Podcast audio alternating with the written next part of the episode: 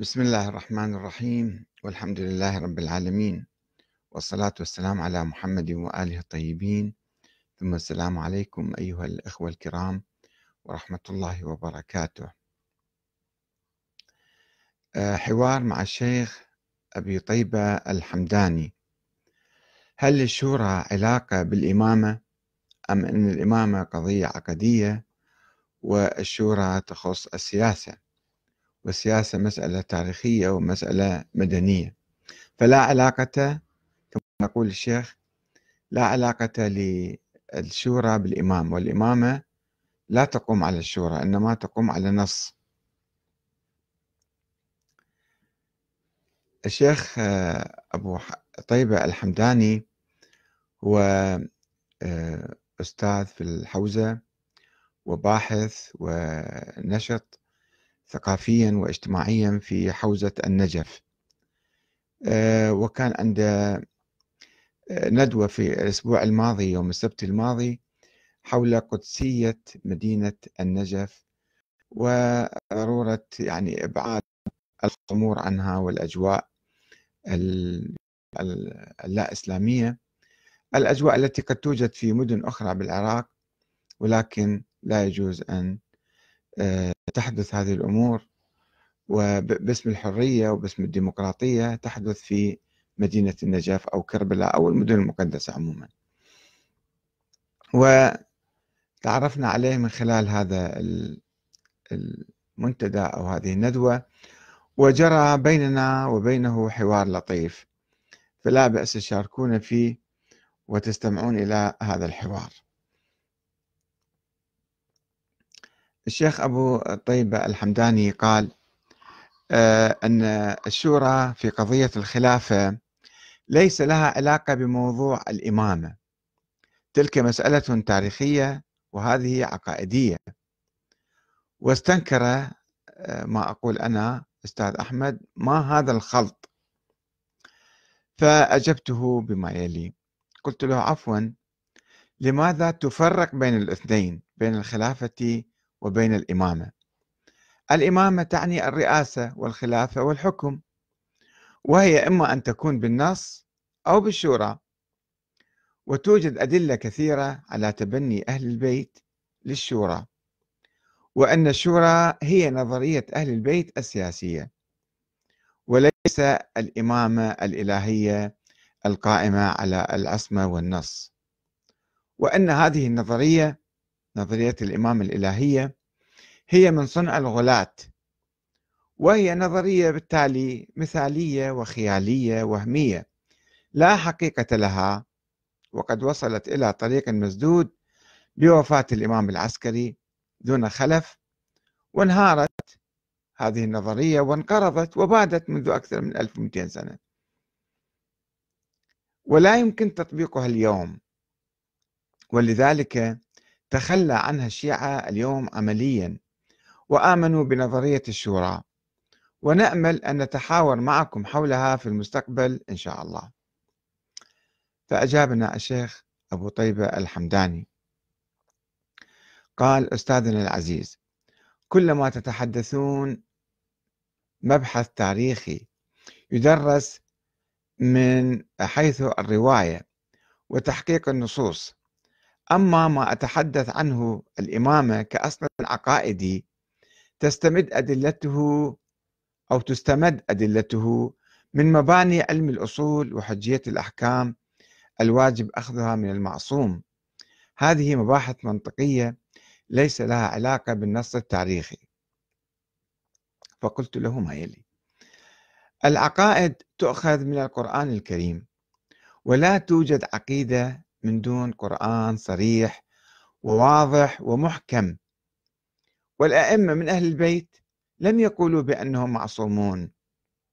وهذا هو الإمام علي يخطب ويقول إني في نفسي لست بفوق أن أخطئ ولا آمن ذلك من فعلي فلا تكفوا عن مقالة بحق أو مشورة بعدل. ولا يوجد أي دليل قاطع على نظرية الإمامة أو أن أهل البيت تبنوها. نحتاج أن ندرس نظرية الإمامة من بدايتها إلى نهايتها ونسأل أين هي الآن؟ وهل يوجد إمام غائب؟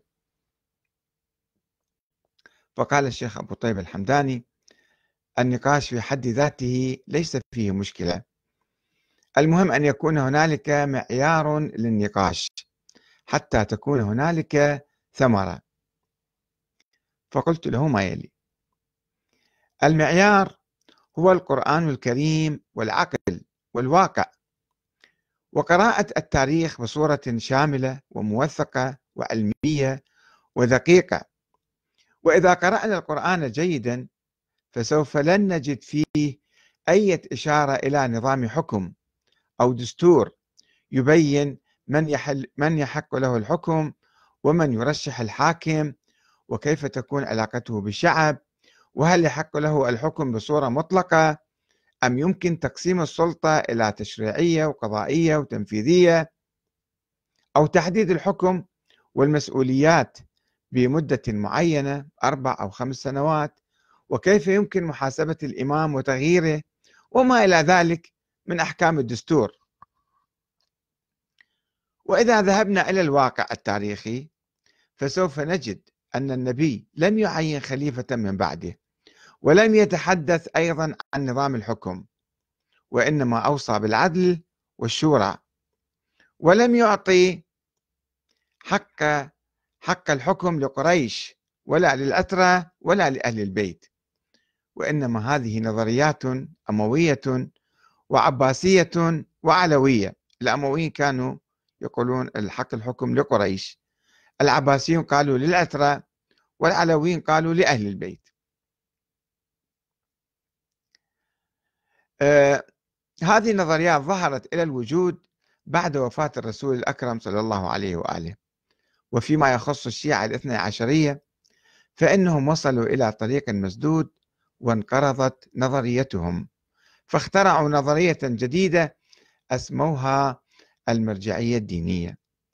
وافترضوا أن المرجع نائب الإمام الثاني عشر الغائب الذي لم يولد قط ولم يغب أساسا.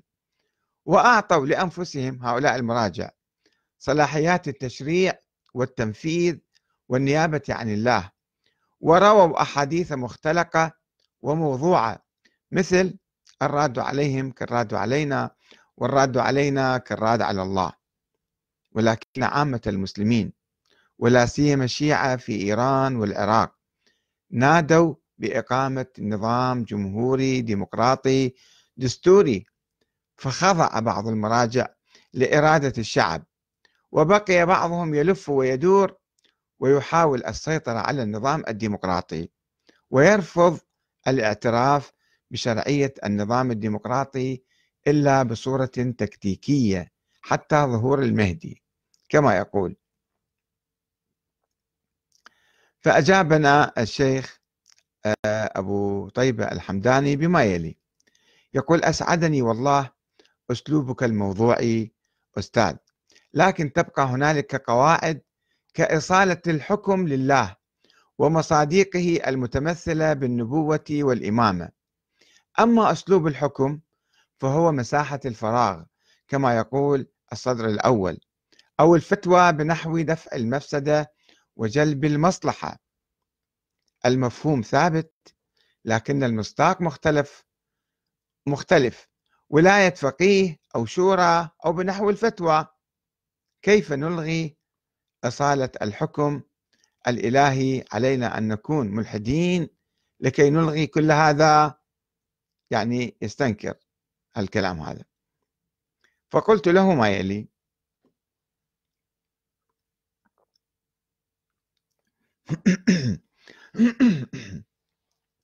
الأخ العزيز الشيخ أبو طيب الحمداني حفظه الله.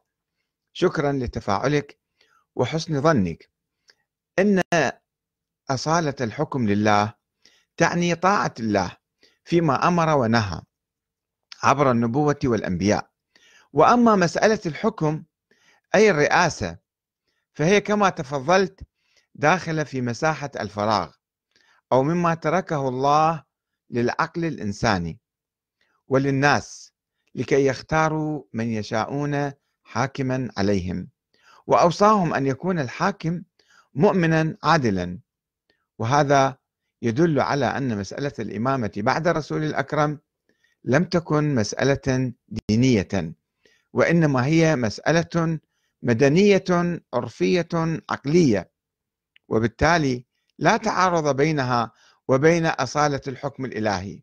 إذ أن الحكم الإلهي لا يعني الإمامة الخارجة عن تشريع الدين يعني هي مو في إطار الدين الإمامة في إطار العرف وفي إطار العقل والمسائل المدنية. والمتروك للناس لكي يختاروا إمامهم في كل زمان ومكان كما هو الحال اليوم في العراق وغير العراق. هنا تدخل الأخ النقوي النقوي ووجه خطابه للشيخ أبو طيب الحمداني يقول له فضيلة الشيخ الحوار بخصوص موضوع إمامة الاثني عشر عليهم السلام يحسم بآية صريحة أو حديث صحيح صريح خال عن المعارضة دون قبل الغيبة. لماذا؟ آه آية صريحة. لماذا نقول يعني آية صريحة؟ حتى لا نلجأ إلى التفسير أو التأويل يعني. ويقال لا حجة للتفسير هذا إن لم يكن نبويا. واحد جاء يفسر الكلام هذا كلام مو حجة. إذا النبي ما هو نفسه فسر القرآن. ونقول حديث صحيح حتى لا يقال هذا حسن والحسن دون الصحيح. أو ضعيف لا لا يحتج به. ونقول صريح حتى نكون بغنى عن القرائن. ونقول أيضا دون قبل الغيبة ما يسمى بغيبة الإمام الثاني عشر يعني حتى لا يقول قائل هذه الأحاديث متأخرة التدوين. وقبلها محمد بن الإمام علي يعني محمد بن حنفية لا يعرف إمامة علي بن الحسين. قبل أن ينطق له الحجر كما تقول الرواية. الرواية موضوعة طبعا. وزيد الشهيد لا يعرف إمامة أخيه الباكر كما جاء في الحوار بينه وبين مؤمن الطاق. وزرار ابن أعين الذي يروي أكثر من 2400 حديث حسب ما بقي بذهني لم يعرف الإمام موسى الكاظم بعد الصادق. وأرسل ابنه ليعرف أرسله إلى المدينة يعني هو كان بالكوفة ليعرف من الإمام بعد الصادق. والشيعة الذين التفوا على عبيد الله الأفطح أو عبد الله الأفطح آه، ثم تركوه وعادوا إلى موسى الكاظم وغيرهم بعد ما مات طبعا. والحوار يبدأ بينك وبين أحمد الكاتب حول النقاط الآتية. واحد إمامة الأئمة الاثني عشر عليهم السلام. اثنين عصمتهم ثلاثة فرض طاعتهم دون غيرهم. أربعة علمهم بالغيب. خمسة ولايتهم التكوينية. ستة ولايتهم التشريعية. حتى نستفيد منكم وممن يعلق وشكرا.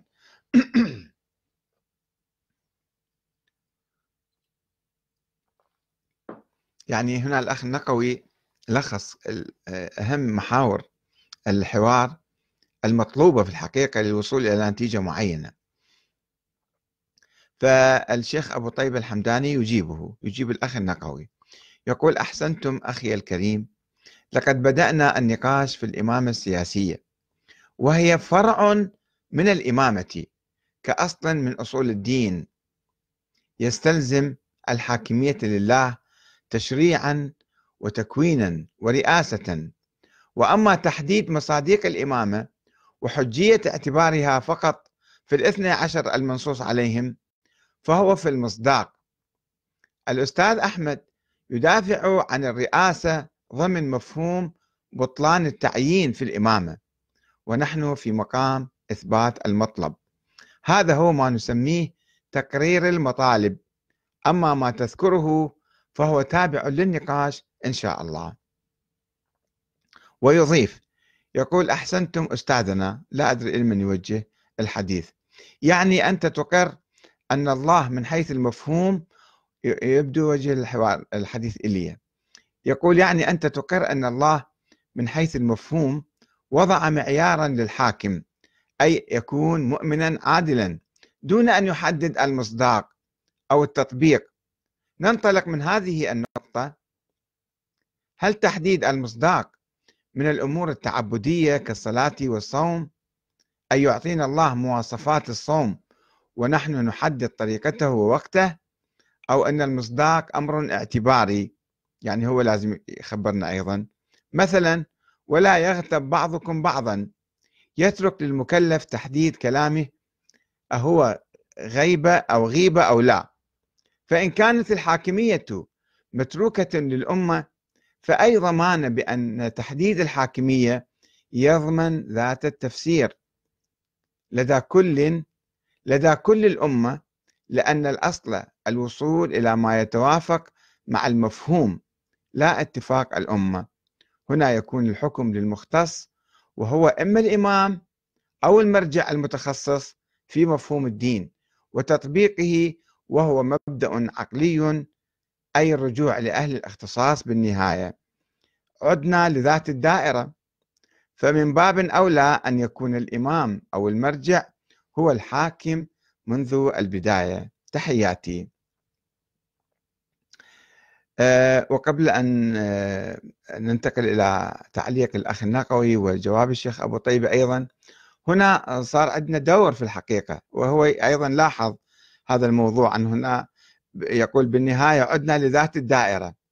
فهو الكلام من الأساس أنه الإمام أو المرجع يعني الإمام حسب نظرية الإمامة الإلهية أو الإماميين ما يعرف بالشيعة الإمامية أنه هؤلاء الأئمة الاثني عشر معينون وبالتالي نرجع لهم حتى يفسرون المصداق. هو هذا أول كلام. يعني من هو الإمام؟ ما هي حجته الشرعية حتى نرجع إليه. ومو في زمن واحد في أزمان متعددة. والآن عندنا المراجع مثلا. إذا نريد نفهم الدين هل علينا أن نفهم للمرجع نرجع للمرجع الفلاني حتى نسأله ما هو آه، مصداق هذا الحكم الشرعي؟ هو هذا أول الكلام. من هو المرجع؟ من أعطى الشرعية والحجية للمرجع؟ كلامه كلام إنسان عادي وليس كلام يعني منزل من الله تعالى أو هو يمثل الله وعليه نص معين. هو هذا أول الكلام في الحقيقة. أنه آه، حجية الأئمة أو حجية المراجع من أين جاءت ومتى جاءت وكيف جاءت؟ المهم الأخ النقوي يرد عليه يقول له الشيخ أبو طيب الحمداني تحياتي لك وإلى الأستاذ الكاتب وإلى الأخوة الكرام الذين علقوا وسيعلقون. أخي فضيلة الشيخ المحترم دائما السؤال المختصر والجواب المختصر القطعي يرغب فيه القارئ للتعليق أكثر من الجواب المطول والذي يحتاج مقدمة. مثال لو سألك سائل وقال لك ما هو الدليل القطعي على عصمة الباقر عليه السلام أو إمامة الصادق عليه السلام؟ أو مهدوية محمد بن الحسن العسكري أو ما هي الآية الصريحة التي تحصر ولاة الأمور الذين فرض الله طاعتهم علينا أو أوجب باثني عشر إمام دون غيرهم؟ أو ما هو الحديث الصحيح الصريح المدون قبل الغيبة على حصر ولاة الأمر باثني عشر إمام؟ الجواب المختصر أفضل يا فضيلة الشيخ. فيجيب الأخ النقوي آه، الشيخ أبو طيب الحمداني يقول النقوي النقوي أحسنتم أخي الكريم. لكننا بصدد مناقشة واضحة مع الأستاذ أحمد الكاتب. والأصل الذي نتناقش فيه هو رؤيته. وهو ومحور ردنا هو ما يطرحه. لذلك نحن ملتزمون بهذا البعد النقاشي. تستطيعون فتح موضوع نقاشي في رؤيتكم وإن شاء الله لا نقصر في النقاش فيما فيه فائدة للقارئ. تحياتي لشخصكم الكريم. والنقوي يحييه. طبعا هنا يدخل أيضا الأخ حبيب الأسدي في مداخلات عديدة ومفصلة حول هذا الموضوع. وأعتقد يمكن راح نطول عليكم. يقول آه، النظرية الإمامية. تبطل حجية جميع النصوص الدينية أو تبطل حجية جميع النصوص الدينية دليلا على الإمامة. أن الأخذ بالنظرية الإمامية في إثبات الأصول بالنظر العقلي وعدم اعتماد النص الديني يستلزم بطلان حجية أي نص ديني سواء كان قرآنيا أو نبويا أو روائيا. واحتجاجهم به على أي أصل من أصول مذهبهم. إذا احتجاجهم بالنصوص الدينية من أجل إثبات يبدو شوية الكلام هنا أيضا معقد وغامض وطويل فنترك هذا إلى وقت آخر أو لقاء آخر إن شاء الله. المهم نحن بعدنا في أول الحوار يبدو مع الشيخ أبو طيبة الحمداني حول أنه الإمامة بالشورى أم الشورى.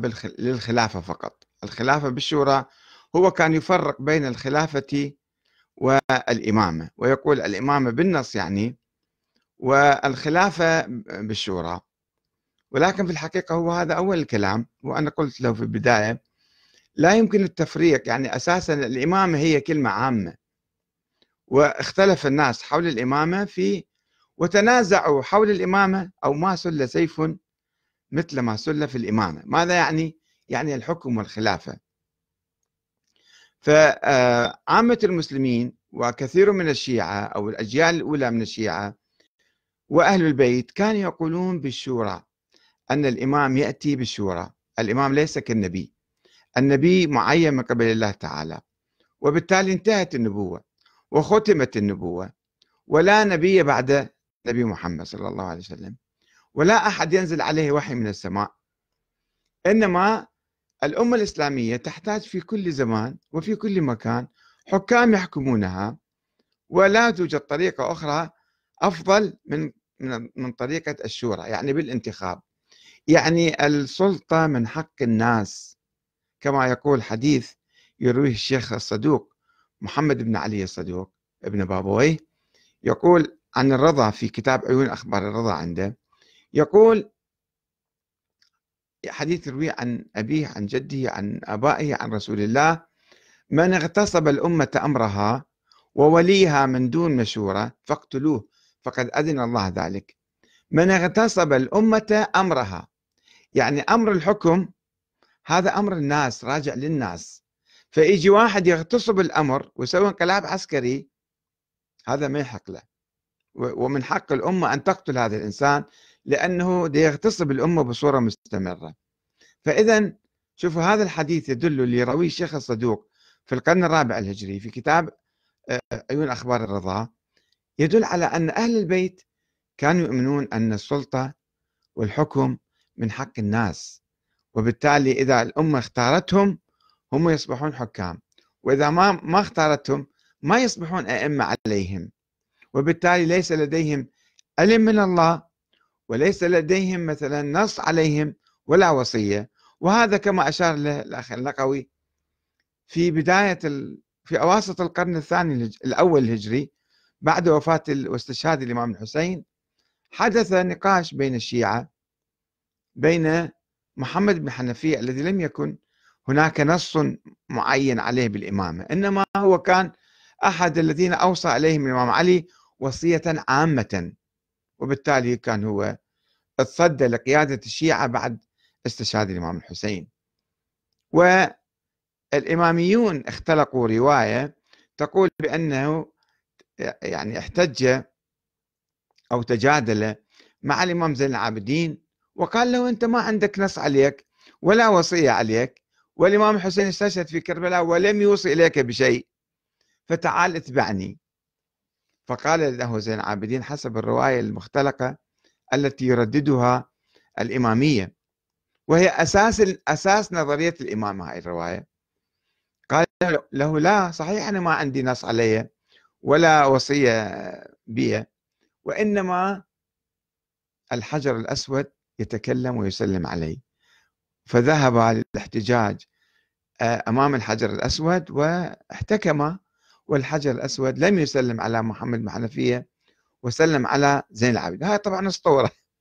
أسطورة لا أحد راويها ولا أحد ذاكرها ولا أحد شاهدها وهي في الكعبة.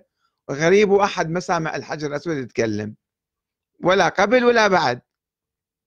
لا في عهد رسول الله ولا في عهد اليوم علي ولا الحسن ولا الحسين ولا بعد من الأئمة. الحجر الأسود في يوم من الأيام تكلم ولكن هذه الرواية هي يجيبوها كدليل على إمامة زين العابدين. وبعدين الإمامة تتسلسل من عنده للباقر والصادق والكاظم وتروح. فإذا هنا أساس الكلام أنه كيف نثبت الإمامة لهؤلاء الأئمة من دون لا نص عليهم ولا وصية ولا معجزة ولا شيء إلا هذه الأسطورة التي لا يقبلها عقل. والسلام عليكم ورحمة الله وبركاته.